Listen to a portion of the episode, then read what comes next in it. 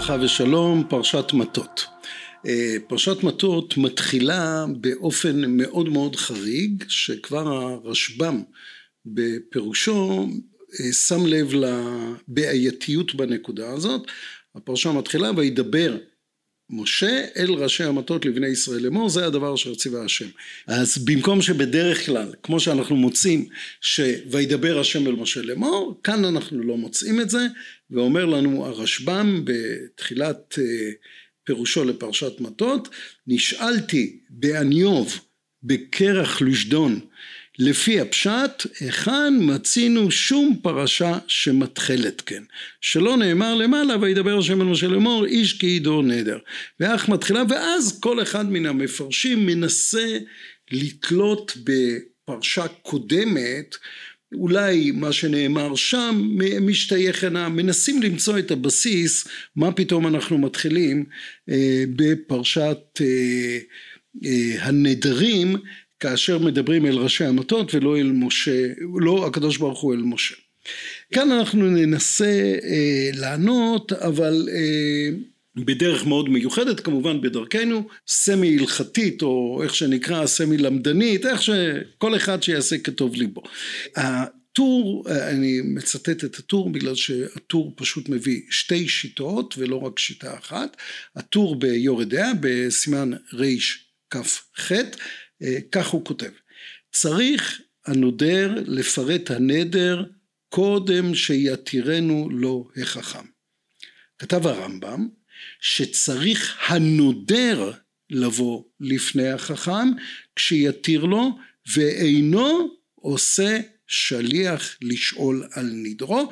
ואדוני אבי ממשיך הטור אדוני אבי ז"ל כתב שיכול להתיר לו שלא בפניו כגון שישלח לחכם בכתב את נדרו והוא יודע שמתחרט הוא מתיר לו. אז אנחנו בעצם מגלים מחלוקת בין הרמב"ם לבין הראש האם באמת האדם יכול לבוא ועל ידי שליח להתיר את נדריו על ידי מישהו אחר, בכתב, בעל פה, האם הוא יכול את זה? הרמב"ם נוקט שאין אפשרות לעשות אה, אה, שליח לשאול על נדרו לעומת הראש.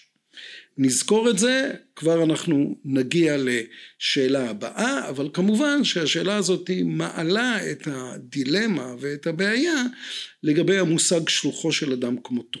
כאילו שלוחו של אדם כמותו זו סוגיה גדולה רחבה מאוד. השאלה מה הגבולות של אה, שלוחו של אדם כמותו אנחנו נראה גם את העניין של נושא השליחות נראה אם ירצה השם גם בפרשה הבאה בפרשת מסעי אנחנו אה, ניגרר כך שכדאי לכם לחכות בשבוע הבא יהיו הפתעות. אנחנו אה, ראינו את המחלוקת הזאת אנחנו ממשיכים וכבר נתקדם אחורה קדימה איך שרוצים. וידבר השם אל משה לאמור סיפא של פרשת נבטות. נקום נקמת בני ישראל מאת המדיינים אחר תאסף אל עמך. אוקיי משה מקבל אה, צו אה, למלחמת מדיין אה, לנקום את הנקמה ואחר תאסף אל עמך. ברור שאחרי שאתה נוקם זה סוף דרכך בעולם מה עושה משה? בפסוק הבא לאחר מכן וידבר משה אל העם לאמור החלצו מאיתכם אנשים לצבא ויהיו על מדיין לתת נקמת השם במדיין ומשה הוא בעצם אה, אלף למטה אלף למטה וימסרו מאלפי ישראל שנים עשר אלף וישלח את המשה אה, לצבא אותם ואת פנחס בן אלעזר הכהן. משה לא יוצא למלחמה. עכשיו אנחנו צריכים לנסות להבין למה משה לא יוצא למלחמה, הרי הוא צווה בזה, וננסה להבין את זה דרך מושג השליחות שאנחנו ראינו אותו כבר לפני כן. תוספות ריד במסכת קידושין בדף אה, מ"ב עמוד ב' שואל אה, שאלה והשאלה שלו אם אנחנו אומרים ששלוחו של אדם כמותו למה אדם לא יוצא ידי חובה אם אחר או אה, ישב במקומו בסוכה או אחר יניח במקומו תפילין שלוחו של אדם כמותו והוא עונה שברגע שאדם מצווה לעשות מצווה בגופו אחר לא יכול לעשות את זה, זוהי בעצם תשובתו של התוספות ריד. מול התשובה הזאת ישנה תשובה אחרת, התשובה האחרת היא אה, אה, אה, עוד פעם יש הרבה תשובות האחרונים מעריכים בזה. אנחנו נאמר את תשובתו של בעל קצות החושן בסימן קפ"ב בסימן קטן א' הקצות מביא את התוספות ריד מקשה עליו ואז בעצם התשובה שלו היא דבר אחר לגמרי. התשובה של בעל הקצות היא ששליח של אדם כמותו שלוחו של אדם כמותו לא אמרינן אלא במידי דעשייה. דאז אב אלה מעשה שלוחו אה, אה, כמותו. זאת אומרת אם אדם כשהוא נכנס לסוכה הוא מקיים בעצמו מצוות סוכה אין קיום שלוחו של אדם כמותו ברגע שאתה שולח מישהו וכבר הוא יוצא ידי חובה הוא נכנס לסוכה. אותו הדבר כאשר אנחנו מדברים על הנחת תפילין. מישהו אחר הניח תפילין הוא יוצא ידי חובת הנחת תפילין. זאת אז הוא לא שליח של אף אחד הוא מקיים את המצווה. מצווה לא עוברת. זה בעצם רעיונו של הקצות. עכשיו אני רוצה אה, לנסות שנחזור אחורה דרך עולם הנדר וננסה להבין את הכל. בעולם הנדרים אמרנו שישנה מחלוקת בין הרמב"ם לראש הרמב"ם טוען שנדר אי אפשר לעשות על ידי שליח הראש טוען שנדר אפשר למנות שליח על מנת להתיר את הנדר. עכשיו בואו נגיע למלחמה שמשה מצווה בה מול המדיינים. כאשר הוא מצווה במלחמה הקדוש ברוך הוא מצווה אותו נקום נקמת כאילו אתה צריך לעשות את זה. עכשיו משה חושב בליבו מי צודק? האם השיטה שלא אומרים שלוחו של אדם כמותו במקרה כזה או כן אומרים?